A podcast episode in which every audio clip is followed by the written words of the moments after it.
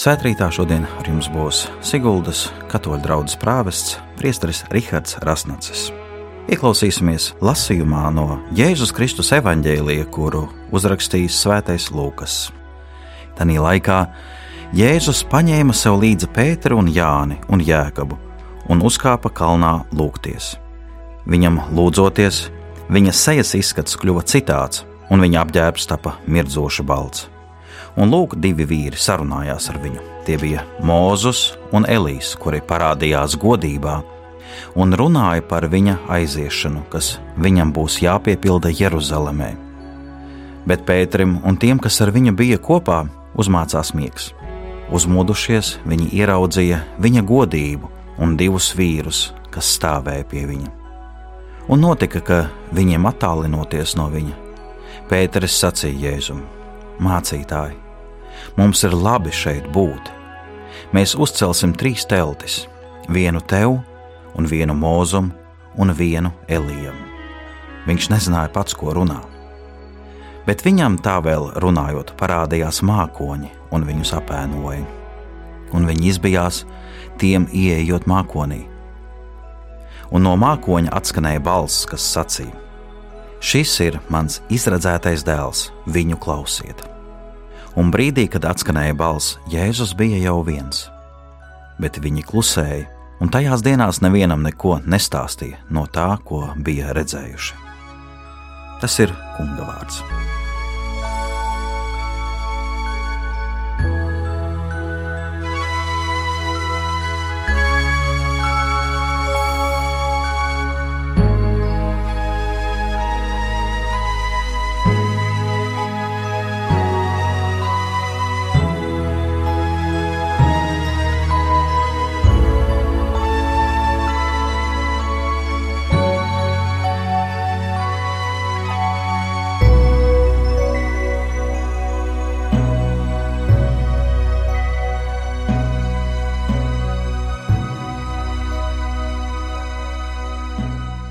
Gavēņa otrās nedēļas evaņģēlīja lasījums ir par Kristus apskaidrošanos Tabora kalnā. Kāpēc ir izvēlēts šis lasījums? Ja reiz ir speciāli svētki baznīcā, tad kunga pārveidošanās svētki, kurus svinam 6. augustā. Un, teikt, ka šim notikumam tomēr ir ļoti cieša saistība arī ar gavēņa laiku. Lai gan Lūkas kura evaņģēlīju dzirdējām tikko, atšķirībā no pārējiem evaņģēlistiem, nemin, ka Jēzus būtu pēc šī notikuma runājis par augšām celšanos, tātad arī par savu nāvi. Tomēr saistība starp Tabora kalnu un Kalvārijas kalnu mums ir skaidra.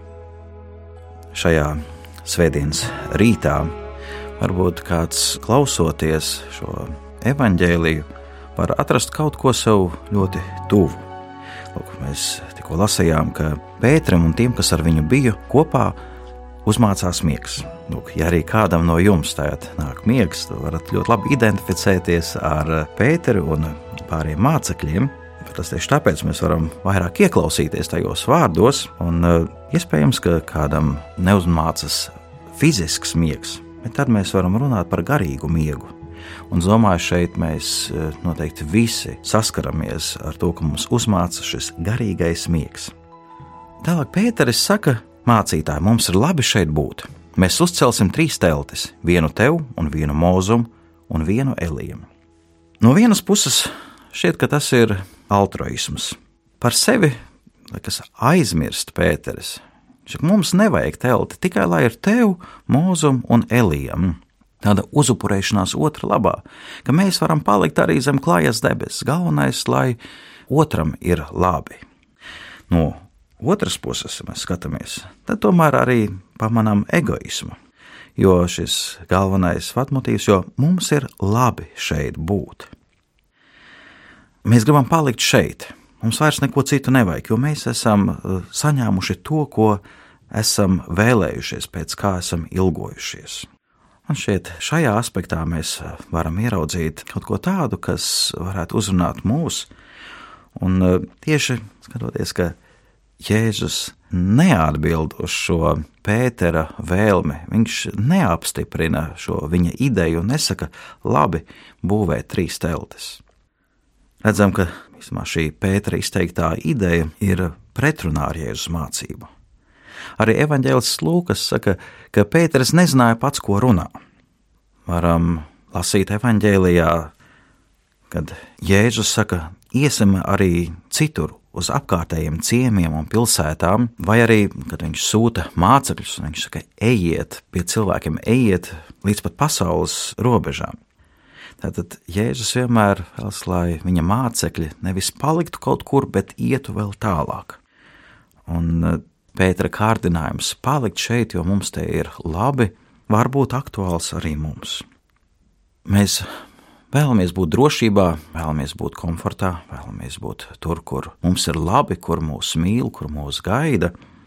Un, eh, līdz ar to izvairāmies no tām vietām, kur varētu būt eh, neizpratne pret mums, kur mūs nepieņem, kur kaut kas mūs apdraud, vai arī kur ir kaut kas nezināms. Jā, tas ir liels izaicinājums nenoslēgties sevī, nenoslēgties ģimenē, nenoslēgties draudzē, valstī vai nācijā un uh, iziet pie citiem, tas nozīmē atstāt savu komforta zonu. Citā vietā Jēzus saka, ejiet, es jūs sūtu kā jērus vilku starpā. Un uh, liekas, vai tad Jēzus nemīl savus mācekļus, ka viņš uh, sūta savus mācekļus kā jērus starp vilkiem? Jo skaidrs, ka vilki jērus saplosīs. Tātad um, jēri kļūs par barību vilkiem. Kāpēc tad mēs nevarētu uzbūvēt kādas sienas, kādus žogus, lai nu, mēs varētu nu, dzīvot tikai starp jēriem un lai vilki dzīvo vieni paši? Tas, ko Jēzus mūs aicina, būt atvērtiem uz citiem cilvēkiem. Tad nebaidīties atstāt arī savu komforta zonu, nebaidīties atstāt drošības salu, uz kuras atrodamies. Un tas ir visdažādākajos līmeņos, gan mūsu attiecībās ar cilvēkiem, gan pat arī tādā sociālajā un pat eh, politiskajā laukā. Tikko Romas pāvests Francisks apmeklēja Meksiku. Un atpakaļceļā, eh, lidojot lidmašīnā, žurnālisti viņam uzdeva dažādus jautājumus. Un eh, kādā jautājumā par viņa viedokli par vienu no politiķiem, viņš izteica tādu apgalvojumu, ka cilvēks, kurš būvē tikai eh, sienas, mūrus un nerūpējās par tiltu būvēšanu, nevar būt kristietis. Tas ir kārdinājums mums eh, noslēgties no citiem un uzbūvēt sienu, mūri. Jo, ja mēs esam panākuši kādu labklājību, ja mums ir labi šeit būt, tad lai cits neizjauc mūsu šo idili, tāpēc mēs gribam būvēt žogus. Bet, lūk, pāvests atgādināja to, cik svarīgi ir būvēt tiltus, nevis žogus. Un eh, šī tiltu būvēšana nozīmē atvērtību. Sāksim ar to, ka mēs nebūsim noslēgušies pat sevī, ka mēs būsim atvērti pret citiem cilvēkiem. Tālāk, mēs nebūsim noslēgušies ģimenē, uzskatot, ka mums ar savu ģimeni pietiek, ka mums vairs nav ne par vienu citu jārūpējās. Tieši ar ģimeni mēs varam būt atvērti uz pārējo sabiedrību. Tālāk izaicinājums ir nebūt noslēgtiem draudzē. Tie, kas ir kristieši, kas ir atraduši savu vietu kādā draudzē, un šeit mums ir laba draudzene, mums ir laba sadraudzība, tur tiešām ir labi būt tad uh, ir kārdinājums palikt šajā noslēgtajā lokā. Un, uh, savukārt Jēzus mūs aicina iet pasaulē, būt atvērtiem. Tā tas nozīmē arī evanģelizēt, un savukārt evanģelizēt tas ir izaicinājums, kurā mums nāk saskarties ar nezināmo. Tas nozīmē mums pieļaut, ka pie mums nāk arī grēcinieki. Nāk tādi, kas vēl nedzīvo tāpat kā mēs un līdz ar to, kuri var pat apdraudēt mūsu un apdraudēt kādu mūsu jau izloloto kārtību, izloloto drošības salu. Vēlme evanģelizēt, tas būtu tas, ko mums būtu jācenšas izkopt gavēņa laikā. Tad nepietiek ar to, ka mēs atsakāmies no gaļas, saldumiem vai Coca-Cola, vai vēl kāda cita. Ir svarīgi, ka šī atsacīšanās mūs pamudinātu darboties tuvāko labā. Gavēņa uzdevums ir nevis ar šiem gavēņa darbiem, ar atturības darbiem parūpēties, lai es labi justos. Tas būtu līdzīgi kā Pēters saka, mums ir labi šeit būt. Bet tieši gavēņa uzdevums ir palīdzēt mums atpazīt tās jomas, kurās mēs varam darboties, lai ietu pie citiem, lai nojauktu šos mūrus, nojauktu žogus un būvētu tiltus. Tas nozīmē uzsākt kādu iniciatīvu, kurā es, es nejūtos drošs, bet uh, es zinu, ka to vēlas Dievs. Ar to nācās saskarties arī apstuļiem, ka mm, viņi sāka to darbu, kuru viņi agrāk nebija darījuši. Viņam nācās atstāt savu profesionālo pat nodarbošanos. Viņi jau tas labi jutās, būdami zvejnieki, bet Jēzus saka, nāc, seko man. Vai tas kāds labi jutās, būdams pie muitas galda, bet eh, Jēzus nāk un viņam saka, nāc un seko man. Tas būs izaicinājums, tu ieies kādā jaunā vidē, nepazīstamā vidē, uzsāks kādas iniciatīvas, ko tu agrāk neesi darījis, un Jēzus apsola šiem mācekļiem, jūs kļūsiet par cilvēku zvejniekiem. Pat tās sākumā neapzinājās, ko tas nozīmē. Jo, protams, tas nenozīmē burtiski zvejot cilvēkus ar tīkliem, bet uh, tas nozīmē uzņemties atbildību un aprūpēt cilvēkus, kurus tu tas pat iepriekš neesi pazinis. Mums ir viegli tas rūpēties par tiem, kurus mēs pazīstam, par saviem ģimenes locekļiem, par saviem tuvākajiem cilvēkiem, par draugiem, bet Dievs mūs tā aicina iet tālāk, rūpēties eh, arī par tiem, kurus mēs nepazīstam. Tā ir žēlsirdība, un tagad mēs svinam jubilejas gadu Dieva žēlsirdības jubilejas gadu, un mēs esam aicināti izrādīt arī žēlsirdību, gan eh, miesas žēlsirdības darbus, tātad atbalstīt savus brāļus un māsas, kuri ir trūkumā, ciešanās, bet arī izrādīt garīgo žēlsirdības darbus, proti, padoma došana, pamācīšana, piedošana, aizrādīšana, lūkšana. Un eh, tieši tas būtu mūsu gavēņa uzdevums, lai mēs paši lūdzoties izvēloties atteikties no kaut kā, kas mums ir kaut kas svarīgs, kaut kas dārgs, bet dieva dēļ mēs esam gatavi no tā atteikties, lai iegūtu lielāku brīvību un spēju atvērties uz otru. Lai Dievs mūs uz to svētī. Lūksimies, kā Kristus mūs ir mācījis. Tēvs mūsu, kas esi debesīs, svētīts lai top tavs vārds, lai atnāk tava valstība Tavs prāts, lai notiek kā debesīs, tā arī virs zemes. Mūsu dienascho maizi dod mums šodien, un piedod mums mūsu parādus, kā arī mēs piedodam saviem parādniekiem, un neieved mūsu kārdināšanā, bet atpestī mūs no ļauna. Āmen!